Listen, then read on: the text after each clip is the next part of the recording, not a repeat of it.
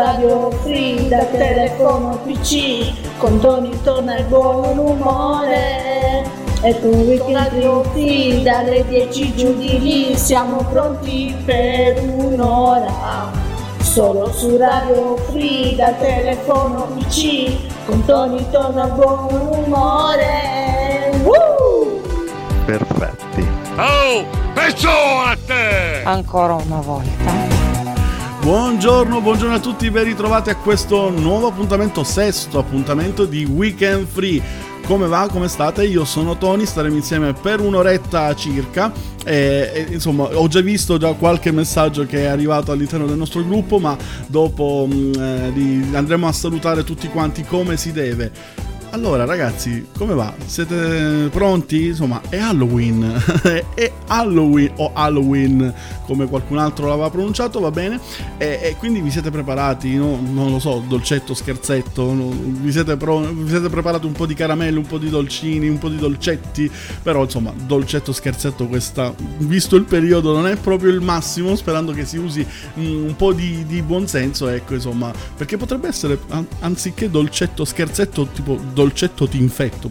Cioè, no, dico per dire, no? Potrebbe coniarsi un nuovo, un nuovo termine, visto il momento storico che stiamo passando, insomma, vabbè, però pazienza, peccato, peccato veramente, insomma, era un modo per anche distrarsi, ma eff- effettivamente bisogna usare mm, molto buon senso in questo, in questo periodo. Va bene, e io no, volevo. ehm, prima ero, stavo leggendo dei messaggi, no? Ero un po' in chat con il nostro presidente che saluto. E presidente che mh, eh, insomma ho incontrato due giorni fa.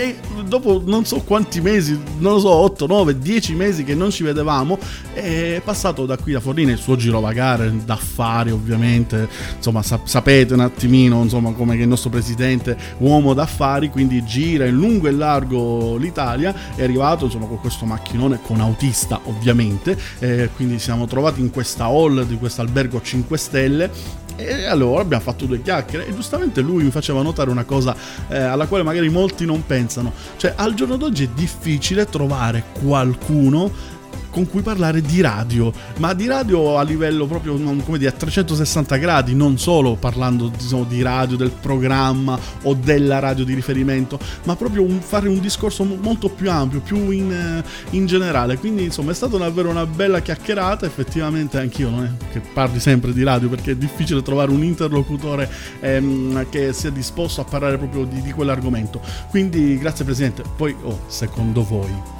così, giusto per dire, avevo un'occasione del genere, eh, volete che io non abbia chiesto un parere, un giudizio su, su Weekend Free? E, e beh, ovvio che ne ho approfittato naturalmente. E proprio allora ho detto, Presidente, ho detto, ma visto, insomma, avrà ascoltato qualche puntata, insomma, spero che Weekend Free, insomma, sia piaciuto, un po' insomma, cosa ne pensa.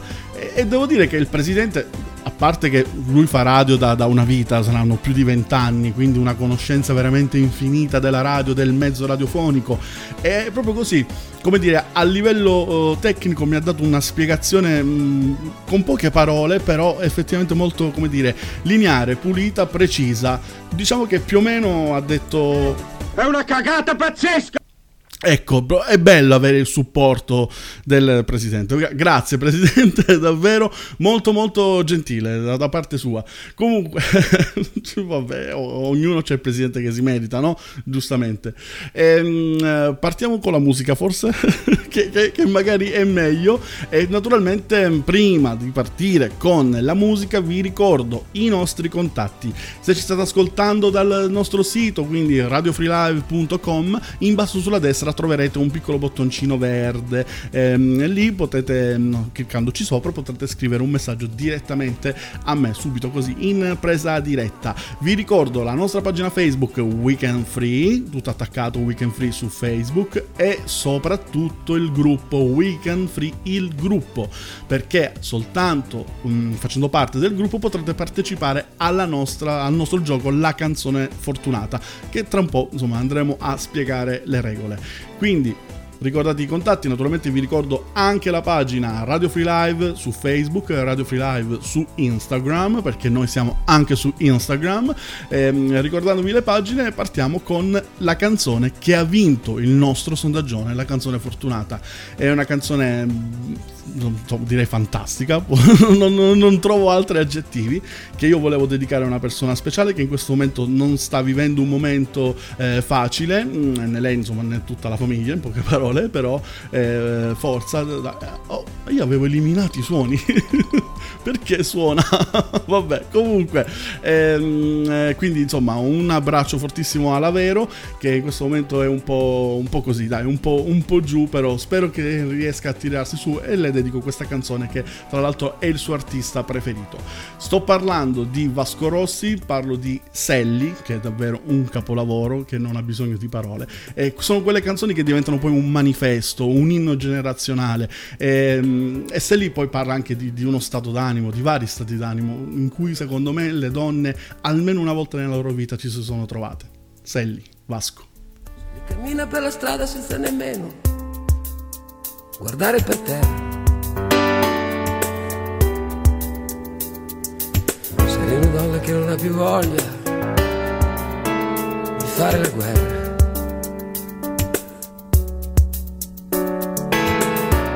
Sally ha patito troppo, Sally ha già visto che cosa ti può crollare addosso.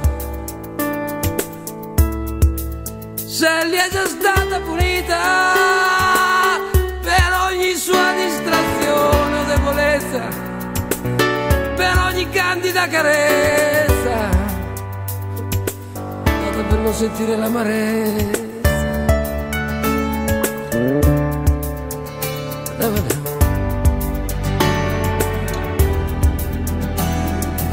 Senti che fuori piove, senti che bel rumore.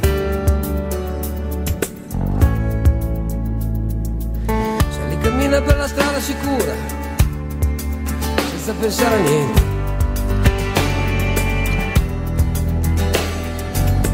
Mai guarda la gente con aria indifferente. Sono lontani quei momenti quando lo sguardo provocava turbamenti, quando la vita era più facile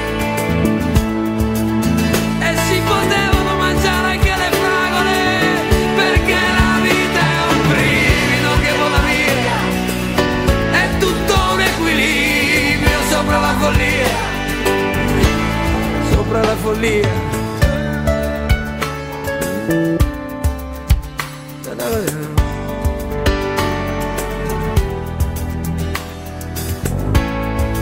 Senti che fuori senti che bel rumore. Ma forse sei proprio questo il senso, il senso del tuo vagare.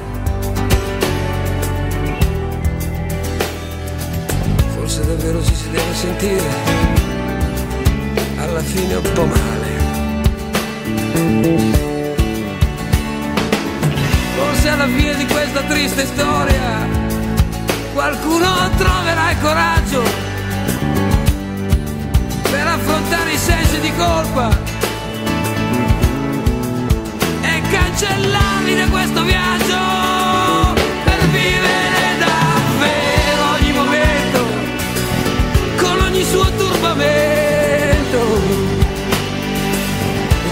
fosse l'ultimo.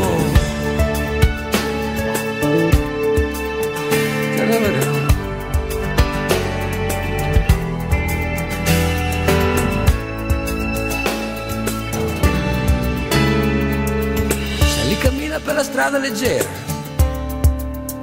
ormai è sera. Se accendono le luci dei lampioni Tutta la gente corre a casa davanti alle televisioni. Ed un pensiero le passa per la testa. Forse la vita non è stata tutta persa. Forse qualcosa si è salvato. Forse davvero non è stato poi tutto sbagliato. Forse era giusto così.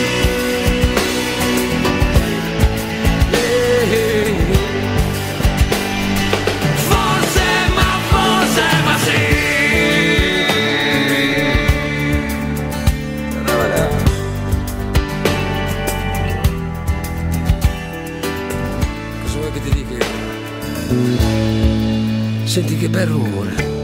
Cioè, è anche difficile entrare quando mm, c'è una canzone che crea un'atmosfera simile. È davvero pazzesco l'energia, l'energia di questa canzone. Grazie ad Anna, la nostra vincitrice del, mm, del gioco La canzone fortunata, per aver scelto questo capolavoro. Insomma, e poi in tanti l'hanno anche, mm, eh, l'hanno anche votata. Dovrebbe esserci anche un messaggio da parte della vincitrice. Eccolo qua. Che capolavoro, hai ragione Tony, Eh è un sì. capolavoro Sì. questa canzone. E grazie a chi mi ha votato, e avete votato la canzone sicuramente, non me, e mando un abbraccio forte alla Vero. Dai Vero, forza, dai, ce la farai. E forse, scusate, ogni tanto parte la base a livelli assurdi, va bene. Eh, vabbè, comunque sì, grazie, mh, eh, grazie a te Anna proprio per aver eh, scelto questa canzone. Però a proposito della canzone, eh, della sigla, eh, allora c'era, dov'è che qui... Eh, ah no, chiedevano chi era queste due pazze che cantano la, la sigla e giustamente perché magari non tutti lo possono sapere sono Anna, la vincitrice che avete appena sentito e Lorella, un'altra, mm, un'altra ascoltatrice. Poi ho visto un po' di messaggi che sono arrivati all'interno del nostro gruppo, eccoli qua. Eh, Lorella infatti, la protagonista scrive che sigla, uh che sigla infatti. Ehm, eh, poi mm, Angelo, senti che bel, senti che bel rumore. Eh, beh, beh, beh. Eh, Fabio, mm, ah, Fabio dalla Germania, un'ora di programma, 20 minuti di asciugone. Ma ho detto due parole, ho detto, sono stato velocissimo. Sebastiano, buongiorno a tutti. Tony, Scottez, ma ti pare? Scusami, eh. Cioè, vi posso svelare questa cosa qua che praticamente eh, la mia suocera, possiamo definirla così, mh, praticamente un giorno, sbagliandosi, perché non è che l'ha fatto apposta, mi ha chiamato asciugatoni. Cioè doveva prendere gli asciugoni della famosa marca che tutti conosciamo e, mh, e così ha detto, ah prendi gli asciugatoni. E, e quindi da lì poi è stato tutto vabbè, un casino. Va- vabbè, comunque. Ehm, eh, poi eh, Erika ancora buongiorno a tutti, buongiorno a te Erika. Mara scrive buongiorno, buongiorno anche a te Mara, buongiorno a Stella, eh, ad Alessandro mh, che scriveva e comunque la musica scelta da Tony è il top, altro che weekend free. Grazie Alessandro, si vede che si è collegato prima, si è collegato prima. E poi il cicalino che avete sentito prima è la chat che, che è all'interno del nostro sito dove mi arriva un ciao, ciao, ciao anche a te e poi un deficiente probabilmente, un nullone secondo me, sempre Alessandro che mi manda le foto con delle scritte tipo ma vaffanculo va, giuro, c'è scritto così e vabbè, era una prova, ho sbagliato foto, poi aggiunge, vabbè se, se certo, come no. Comunque, a proposito di Alessandro che fa il furbino, che mi manda questi messaggi, è proprio lui oggi il protagonista del nostro spiegone. Perché naturalmente lo spieghiamo anche per chi magari si fosse collegato oggi soltanto per la prima volta ehm, eh, questo mh, le canzoni della la playlist insomma le 10 canzoni che andremo a sentire oggi e che sentiamo in ogni puntata di Weekend Free sono selezioni sono richieste dai nostri ascoltatori che partecipano ad un gioco e mh, da questo gioco insomma vengono estratte 10 canzoni. Due sono le canzoni più votate, 8 vanno a sorteggio. Quindi questo meccanismo lo spiega in maniera chiara, pulita, direi scientifica, il nostro Alessandro. Andiamo a sentire. Buongiorno membri e membrane di Buongiorno. Weekend Free. Buongiorno. Sono qua per spiegarvi le regole del gioco Sì. della canzone fortunata. Sono Sì. semplicissime. Va. Aprite bene le orecchie e ascoltate. Sono tutto orecchi. Dalle 10 del lunedì mattina, non un minuto prima, dalle 10 in poi, fino a mercoledì ore 13 e non un minuto dopo, No. potete fare la richiesta di una canzone Sì, e ci abbinate un numero che va da 1 a 90. esatto. Semplice, no? Sì. Avete capito? Potevi Bene. dire anche il gruppo, però vabbè, guarda. Sì, Dalle 10 del giovedì, sì. non un minuto prima, Ah, perché no. chiaramente il DJ Tony ha da fare, Ah, quindi non un minuto prima. Dalle fatti 10 tuoi. del giovedì alle 13 del venerdì c'è il sondaggione. Non un minuto in più. colaccione. non un minuto in più ci stava. Cosa succede in questo sondaggione? Cosa succede? Si può esprimere la propria preferenza. Certo. Ci sono boh, a volte 26, 27, 30, 15, 10, 25 canzoni Sì, dove si può andare a scegliere la canzone che è abbinato a un numero preferito. esatto. Chiaramente non si può votare se stessi, Eh, no, altrimenti venite bannati. E qui la mia socia, la Vero, non vede l'ora di bannare. È lì apposta, secondo me. Quindi potete votare altre persone. esatto. Una volta votato fino alle 13 del venerdì, Sì. non un minuto dopo, ma alle Ecco, 13, Dillo. du- le, più vota- du- le due canzoni più votate andranno Sì. direttamente alla playlist di sabato. Bravo. passano direttamente. Quelle proprio passano direttamente. Sì. Queste due canzoni vanno in finale. Ok. Una volta che vanno in finale, dopo c'è il cervellone Eh sì. Che non è quello di Tony Luparello, ma c'è un cervellone automatico, tecnologico, Uh. ma a volte anche manuale, Tecnologico avanzatissimo. Dove- Sì. andrà a estrarre altre otto canzoni Esatto. fortunate. Bravo. Caso strano, io mai. Così, eh? c'entra? Quindi, se alla fine avete capito tutto, spero di sì, io mi sono capito e spero di aver detto tutto. Se non Bravo. avete capito, eh, chiedete alla mia socia, la Vero. Ciao a tutti e grazie. Ma, ma grazie a te, guarda. No, è stato direi molto molto chiaro, dai. Direi bravo, bravo, bravo il nostro Ale che ci ha spiegato il gioco. Però forse è meglio se ascoltiamo un po' di musica, eh?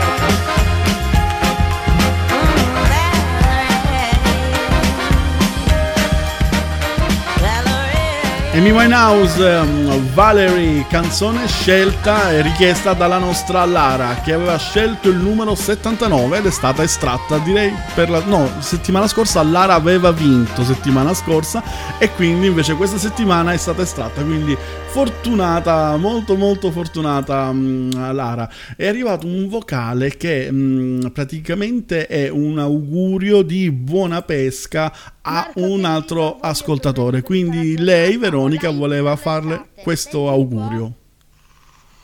Facciamo pesce pesce, po po po, non so se ti riesce, po po po po po po, se lo assaggi ti rapisce, se ingoi ti addolcisce, se prendi quello giusto lo mangerai con gusto. Pesce pesce, No, no. se la pancia cresce.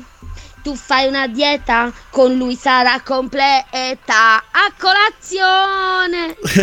Va bene, il pesce a colazione intendevi? Va bene, gra- grazie, grazie per il tuo, mm, come dire, per il tuo supporto e possiamo anche svelare, mi hai scritto che mm, questa canzone era per augurare buona pesca a Simone, quindi insomma buona pesca Simone, questa canzoncina era proprio ehm, dedicata, dedicata a te, oh mio Dio, va bene, Mm, eh, allora Davide sei un cretino, così, così a scena aperta, tu sai perché, ho guardato adesso una foto, va bene, sei un cretino. Alex, buongiorno, buongiorno anche a te Alex. Poi sia Erika che Mara hanno pubblicato una mm, eh, video chat che, che hanno fatto eh, Erika, Mara e eh, Katrin dove cantano un qualcosa. Io adesso non posso aprire l'audio ragazzi, però credo occhi di gatto, cioè almeno voi av- avete le fattezze di, di- di gatte, quindi non, non lo so, vabbè. E mentre eh, Stella pubblica la foto del, del Pandoro, cioè Stella tu già sei di Pandoro, capisco che in Germania magari è un'altra temperatura, però c'è un po', un po' presto, un, un attimino, cioè aspetta. Ehm, mentre Lorella invece... eh, lei protesta perché ogni settimana abbiamo un ascoltatore che fa uno spiegone nuovo e lei dice sì certo bravi voi vi ho spianato la strada io con lo spiegone perché lei è stata la prima effettivamente giustamente e, e di fatti un altro messaggio diceva io capisco solo gli spiegoni di Lorella ehm, e invece Stella spiegone chiarissimo anzi mi meraviglia la tanta serietà comunque neanche io vinco mai Stella tu rimani in ascolto che... mm, eh, probabilmente oggi... So, chi, chi può dirlo? Così, chi, chi può dirlo? Ehm, vediamo qualche altro messaggio che arriva dalla nostra, dalla nostra chat della radio. Eccolo eh, qui. Ma io mica sono a pesca. Quindi, eh, vabbè, non, sei- non sarai a pesca, però vabbè, la canzone te la dedicano lo stesso. Che cosa fai? Voglio dire, cioè, ci sputi sopra. Una canzone dedicata con, come dire, con cotanto amore. E dai, su, forza. Andiamo da Catherine, una delle tre protagoniste, una delle tre gatte che mh, aveva mh, scelto il numero 11. Catherine, il tuo numero 11 è stato estratto. Quindi ci godiamo insieme a te, Giovanotti, con Piove. Piove, senti come piove, madonna come piove, senti come viene giù. Piove, senti come piove, madonna come piove, senti come viene giù. Hai visto che piove, senti come viene giù. Tu che dicevi che non pioveva più, che ormai non ti saresti mai più innamorata. E adesso guardati, sei tutta bagnata e piove, madonna come piove. Sulla tua testa e l'aria si rinfresca e pioverà fin quando la terra non sarà di nuovo piena e poi si rasserena. Piove, senti come piove, madonna come piove, senti come viene giù. Piove, senti come piove, madonna come piove, senti come viene giù. Senti le gocce che battono sul tetto, senti il rumore girandoti nel letto. Mmm, rinascerà, sta già nascendo ora. Senti che piove e il grano si matura e tu diventi grande e ti fai forte.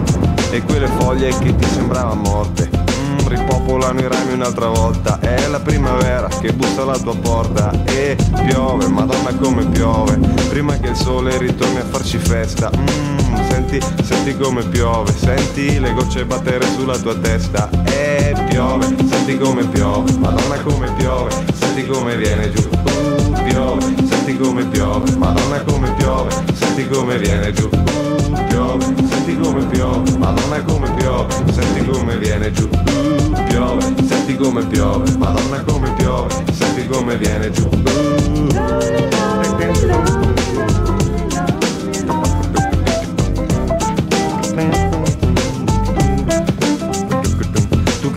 Che oramai le tue piantine si erano seccate e non sarebbero cresciute più. Hai aspettato un po' ma senti come piove sulla tua testa, senti come viene giù.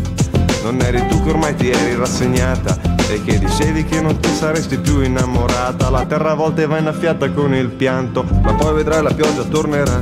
Oh, piove, senti come piove, madonna come piove, senti come viene giù. Uh, piove, senti come piove, madonna come piove, senti come viene giù. Oh, piove, senti come piove, madonna come piove, senti come viene giù. Oh, piove, senti come piove, madonna come piove, senti come viene giù. Oh, piove, senti come piove, madonna come piove, senti come viene giù.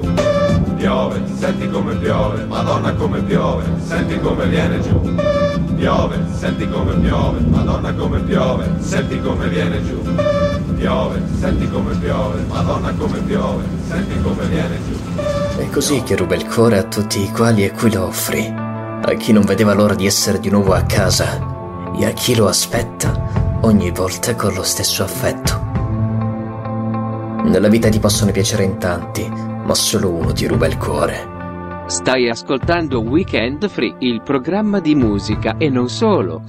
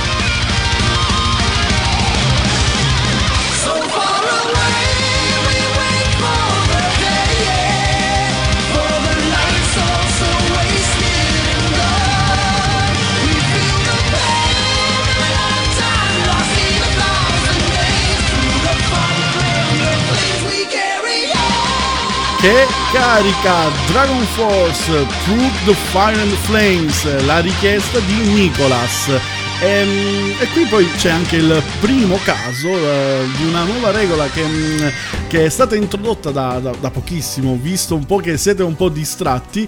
eh, abbiamo inserito questa, mm, questa regola che se qualcuno dovesse chiedere un numero che è già stato richiesto, eh, sarà poi il cervellone a cambiarlo in automatico. Quindi noi non verremo più da voi, non vi diremo guardate che devi cambiare il numero, guardate che devi cambiare il numero, non lo faremo più. Ma ehm, se il vostro numero è già stato selezionato, all'atto poi del, mm, del sorteggio, ecco che il vostro numero verrà modificato in automatico. Quindi Nicolas, che aveva scelto il numero 18, ma che era stato già selezionato, il cervellone lo ha modificato in 9 e, e- e poi è stato estratto. E quindi Nicolas eh, con questo cambio ha avuto la doppia fortuna di entrare a far parte della, mm, della playlist. E quindi insomma abbiamo sentito il suo pezzo e prima abbiamo sentito invece eh, Piove di mm, Lorenzo di Giovanotti che aveva selezionato eh, Catherine. Buongiorno, buongiorno a tutti, 10.35 circa, sempre in diretta qui con Weekend Free. Io sono Tony e vi ricordo una cosa molto importante: ehm, eh, questa trasmissione, questo- questa puntata potrete riascoltarla in replica martedì a partire dalle 11 circa, insomma, dopo le 11, qualche minuto dopo eh, le 11. Quindi salutiamo anche gli amici della replica, diciamo che sono intorno alle 11.40 di, di martedì. Buongiorno, benvenuti anche a voi. Mi raccomando, se ci state ascoltando appunto di martedì e volete partecipare, volete anche voi richiedere le vostre canzoni, entrate nel gruppo Weekend Free, il gruppo su Facebook, ci trovate lì, fate la vostra richiesta di iscrizione e mettete in gioco le vostre canzoni i vostri numeri fortunati. Magari settimana prossima potreste essere proprio voi a far parte della nostra playlist. Eh, detto questo, eh, io intanto vi anticipo che tra pochissimo arriva il salotto della Davidina e questa settimana non ci sarà nessuna intervista, ma sono andato io personalmente all'interno del salotto della Davidina. Vi dico solo questo, va bene? Ba- ba- basta, poi tra un po' andremo a sentire. Ehm, Catherine 11 e vai, piove, ma oggi c'è il sole. E Catherine, ma tu hai scelto piove, scusa, ma ti auguri la pioggia e poi dopo arriva il sole, che cosa devo farci? Eh, Mara, Catherine, eh, culone frosinone, ma quanto è bella. Vabbè, vero. Ehm, mentre Fabio protestava, perché io ho detto, ho parlato di Pandoro, che insomma un po' prestino per il Pandoro, lui dice presto per il Pandoro. Cosa? Non è mai presto per il Pandoro. Scusa, vabbè, voglio dire... E chi sapeva che, che, insomma eri un fan così accanito del Pandoro? Sebastiano, meno male che ogni tanto c'è la pubblicità. Tony, ringrazia la direzione. Io Sebastiano non so di che pubblicità stai parlando perché a me la direzione non ha detto niente, anzi dire- direttore mega galattico presidente, se, se c'è una pubblicità io voglio la percentuale, scusate eh. Eh, Lorella, Veronica, devo ancora ascoltare i tuoi vocali, ma anche questa del pesce non è male. Ok, sì, andiamo bene, proprio di bene in meglio direi. Poi un saluto anche a Studio Anciova che eh, ecco infatti scriveva non salutare mi raccomando fai il prezioso no infatti ti sto salutando che lui ha scritto ciao 800A che è un codice mh, che noi, che noi radiofonici abbiamo che insomma sta ad indicare una cosa eh, proprio come dire tecnica. Quindi eh, grazie comunque per esserci 800A va bene. Vedi, vedi che ti saluto cioè subito a pensare male alle cose. Ehm, e poi basta poi basta possiamo andare con la musica. Andiamo un po' indietro nel tempo con un Netta James quindi un po' di classe per- grazie alla nostra Lorella I don't want you to be no slave. I don't want you to work all day. But I want you to be true. And I just wanna make love to you.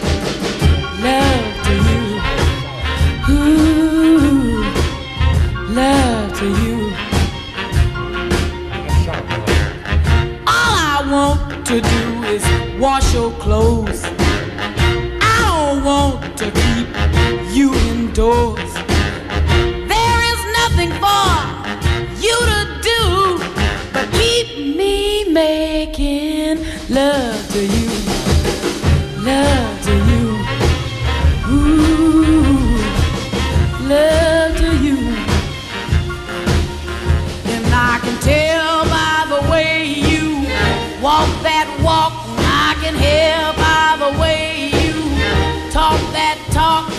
You know.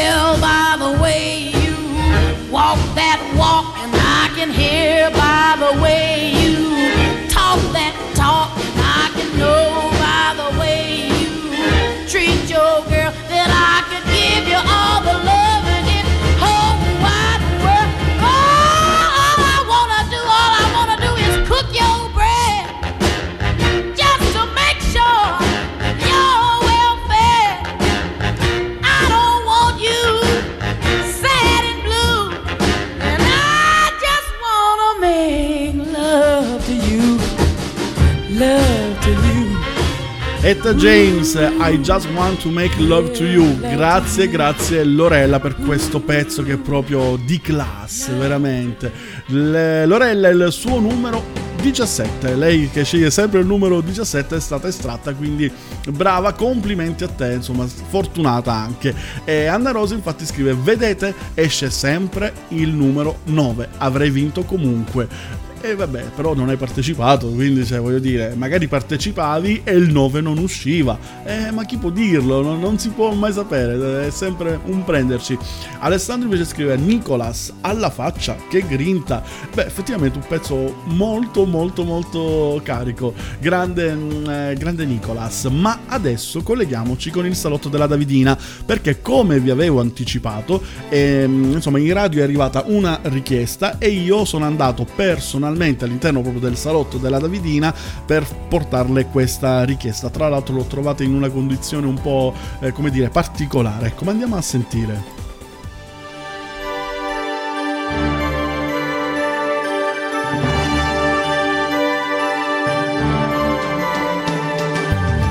Davidina, è permesso? Buongiorno, si può entrare? Sono Tony. Oh, prego, prego, Tony, entra pure. Scusa, sto finendo la doccia, sono tutta bagnata. Eccomi, Tony, buongiorno. Posso offrirti un caffè? Come lo prendi nero e lungo anche tu? No, guarda, grazie, eh, ti ringrazio, lasciamo perdere i caffè nei corti, lunghi, che insomma hai combinato un po' di disastri in queste settimane. Eh, no, io in realtà sono qui per un altro motivo. Eh, mh, sono qui perché eh, in radio ti ha cercato Rocco. Wow! Rocco Siffredi. Eh, no, veramente no, Rocco Casalino. E chi è? Eh, ma come chi è? Davide, Rocco Casalino è il portavoce del, del Premier, del governo. Ah, non so. Sì, sì, beh, ma non, non seguo tanto, ma, ma cosa vuole? E, e siccome lui, ehm, hai saputo, non so, del, di Conte, del governo, insomma, che ha chiesto ai Ferragnez, no, Fedez e la Ferragni di fare degli spot per incentivare l'uso della mascherina. Ecco, eh, Rocco Casalino è un tuo followers, in quanto si ricorda dei tuoi trascorsi no, da influencer. Eh, Influenza, influenza, ero un influenza. Sì, vabbè, da, da influenza. E, e quindi vorrebbe proporti, secondo me, uno spot da girare, insomma, con un virologo. Ah, sì, il mio è virologo. Ho avuto a che fare con il virologo sì, dieci anni fa, quindi possiamo fare tipo uno spot tipo Zac, eh, diamoci un taglio, cambiamo vita, così. No, no, no, no, non esattamente. Uno spot con un virologo. È, è presente il DPCM, no? Il CGL, il sindacato, il CGL. N- no, i, i DPCM, Davidina. Mm, DPCM potrebbe essere... Eh, quella della canzone! DPCM DPCM No, no, Davidina. La la la la la la la la DPCM Fermati. No, non è quello. Il DPCM è, è un acronimo. È, hai capito? Cioè, sono è le iniziali DPCM. Davidina può cambiare il mondo! Bellissimo, DPCM, che bello sarebbe! Tutti, tutti, tutti che si amano, ma sarebbe bellissimo, mamma mia! Ci guarda, immagino, bellissimo. Bellissimo, bellissimo. E cosa, fa- cosa fa questo DPCM, scusa? E il DPCM eh, parla di, di- di chiusure anticipate, eh, insomma, parla di restrizioni, ecco. Ah sì, ho letto qualcosina. Beh, comunque in questo caso Tony tu sei un uomo molto fortunato, molto perché Io? Hanno, uh, hanno lasciato aperto le due cose a cui tu tieni di più. S- sarebbero, scusa? E le parrucchiere e Pornhub. Mi conosci molto bene, Davidina. Ciao Tony! Ciao Davidina! Sì, sì, certo, ma soprattutto alle parrucchiere, poi soprattutto, cioè, dire, che, che, frequento io proprio, eh? Tantissimo. Infatti, guarda, è un po' che non ci vado, eh, questa mattina sono qui in radio con i capelli tutti sciolti, mi vanno anche un po' davanti agli occhi, però vabbè, comunque è così. E eh, vabbè, la Davidina vive un po' nel suo mondo, ragazzi, cosa vogliamo, vogliamo farci? E eh, va bene. Poi tra l'altro ormai fissata, c'è questo salotto, lei non esce più dal salotto, cioè vive là dentro praticamente, l'hanno rinchiusa esplosa lì dentro, vabbè. Comunque, andiamo avanti con la musica. Whitney Houston, I Wanna Dance With Somebody. Clock strikes upon the hour and the sun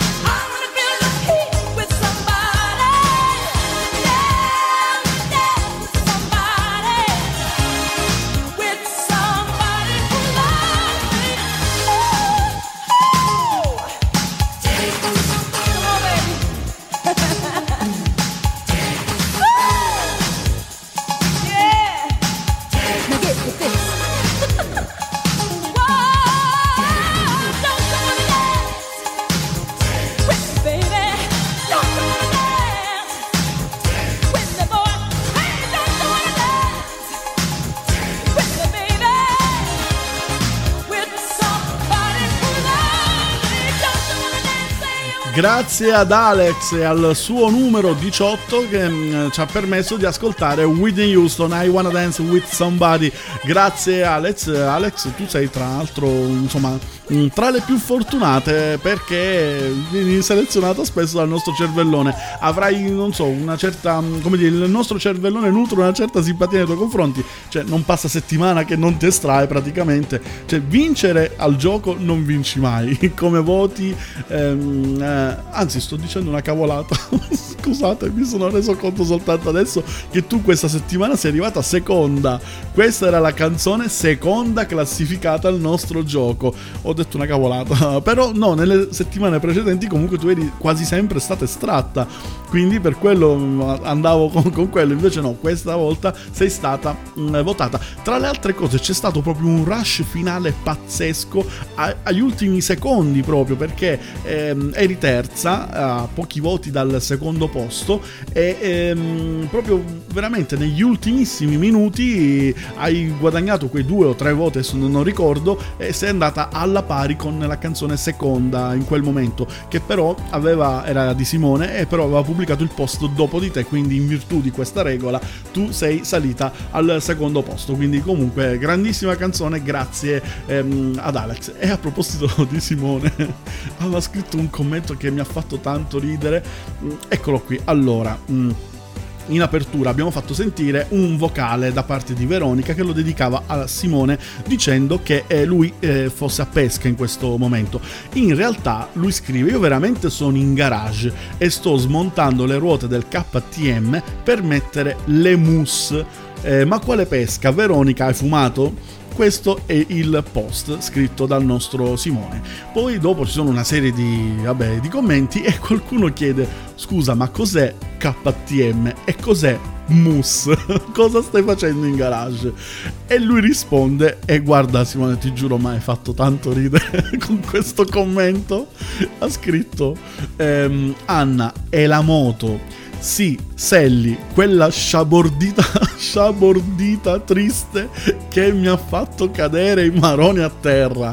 Le mousse sono come le tette in silicone finte, però queste vanno al posto della camera d'aria. Simone, hai fatto, come dire, un, esempio che più chiaro di così non si può. Ma, ma- ma si può, ma si può. Vabbè, comunque, ehm, un buongiorno a Elisa che scrive eh, qualche minuto fa, arriva mia figlia in cucina mentre ascolto la puntata, mi guarda e mi dice: Ma tu cosa ascolti al sabato mattina, mamma? e ascolta noi, Weekend Free, il morning show di Radio Free Live. Buongiorno anche alla tua bimba, che magari ci dici come si chiama, così la salutiamo, la salutiamo per bene. E Vinci, il nostro presidente, lo devo cazziare perché si è perso praticamente tutta la puntata per fare delle chiacchiere. Roba d'affari, roba di soldi, ma, ma guarda, ma mi ci gioco quello che volete, roba di soldi sicuramente, perché è un uomo d'affari, è inutile, il nostro presidente è così, è un uomo d'affari ed è sempre in viaggio. E allora Presidente, questa canzone la dedico anche a te, visto che sei sempre in giro, sempre in viaggio. Stella ti dice: Viaggi insieme a me. Anche se secondo me Stella questa canzone forse la dedicava al figlio. Facciamo che io la dedico a, te, ok? Quindi, Presidente, viaggi insieme a me. Insieme a me io ti guiderò e tutto ciò che so te insegnerò finché arriverà il giorno in cui tu riuscirai a fare a meno di me. Viaggi insieme a me, io ti guiderò e tutto ciò che so te insegnerò finché arriverà il giorno in cui tu riuscirai a fare a meno di me. Viaggi insieme a me, io ti guiderò e tutto ciò che so te insegnerò finché arriverà il giorno in cui tu riuscirai a fare a meno di me. Viaggi insieme a me, io ti guiderò e tutto ciò che so te insegnerò finché arriverà il giorno in cui il giorno in cui io ti porterò dove non sei stato mai e ti mostrerò le meraviglie del mondo e quando arriverà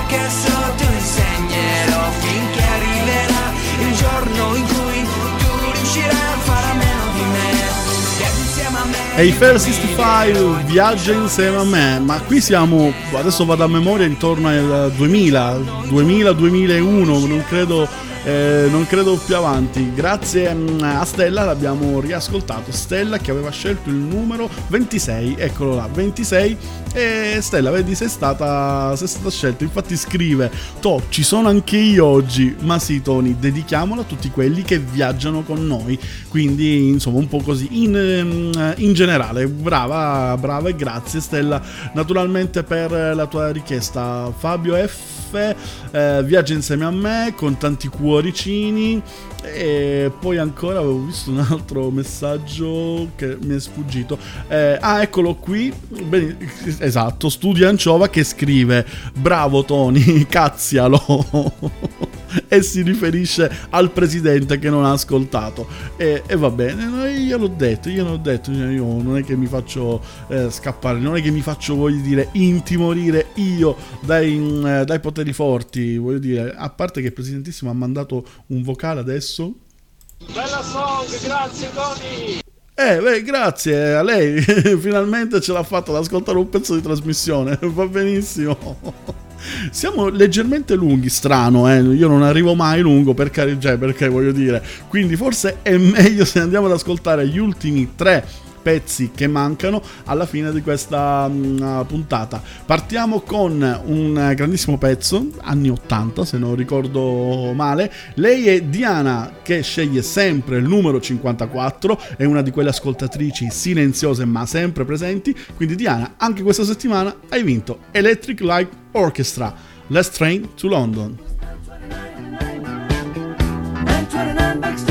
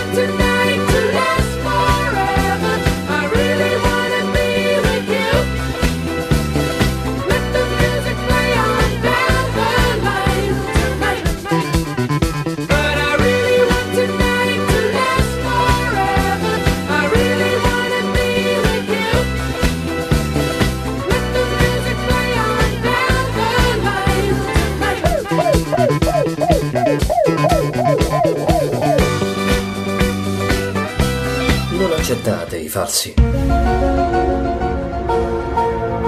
Noi siamo Weekend Free su Radio Free Live. Musica e simpatia.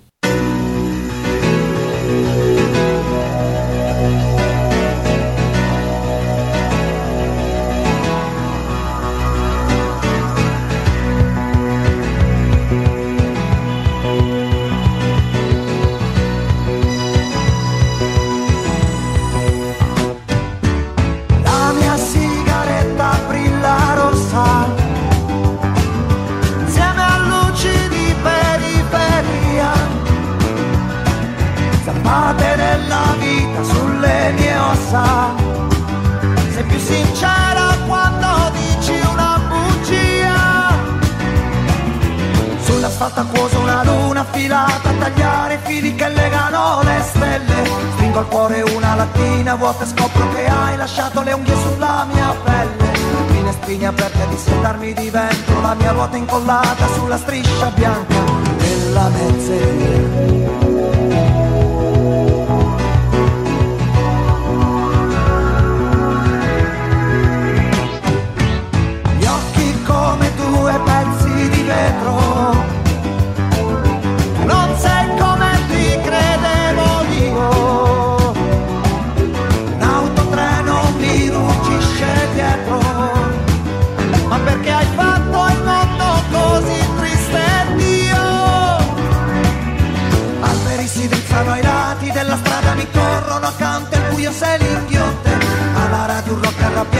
como.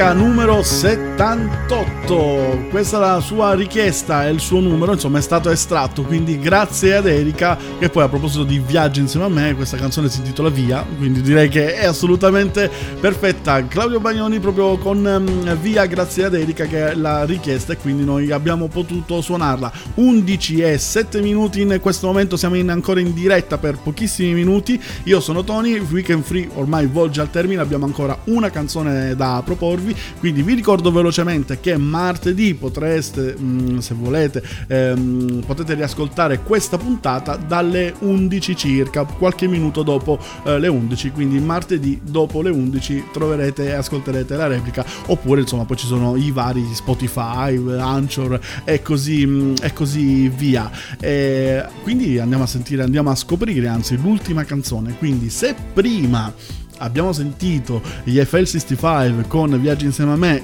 che mh, era la richiesta di Stella. Non andiamo molto lontano rimaniamo lì in quella zona anzi proprio in quella casa perché anche il marito è stato scelto eh, dal nostro cervellone. Chiudiamo con gli Evanescence My Immortal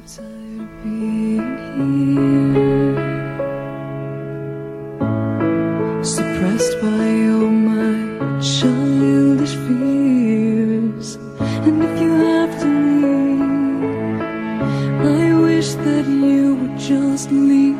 Your presence still lingers here,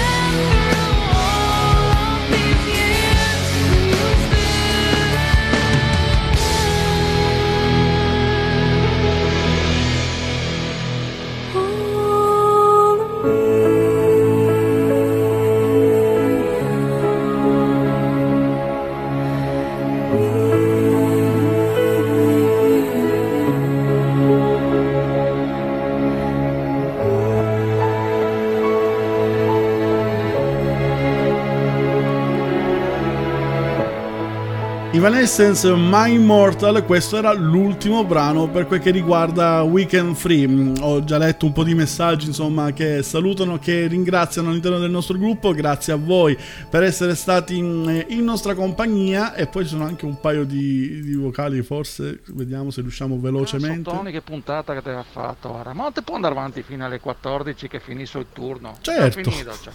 No. E tanto io non c'ho mica niente da fare, no? Voglio dire. Uè Tony, ma dato che è piacevole ascoltarti, devi fare di più, dai, non ci devi abbandonare così. Fai, fai almeno un'ora e mezza, dai. Eh vabbè, ho capito. Ma se io parto alle nove e mezza già, voglio dire, chi, chi non è pubblicizzato come cosa non è weekend free, però alle nove e mezza sto già, sto già qui online. Quindi grazie, dicevo, a tutti quanti per ehm, averci ascoltato. Un saluto davvero a, a tutti dalla Germania alla Spagna, insomma, ovunque voi siate. Buon weekend, buon Halloween, anche se insomma un po' eh, ristretto e ridotto. E noi ci sentiamo alla prossima settimana con una nuova puntata di Weekend Free. Ciao a tutti!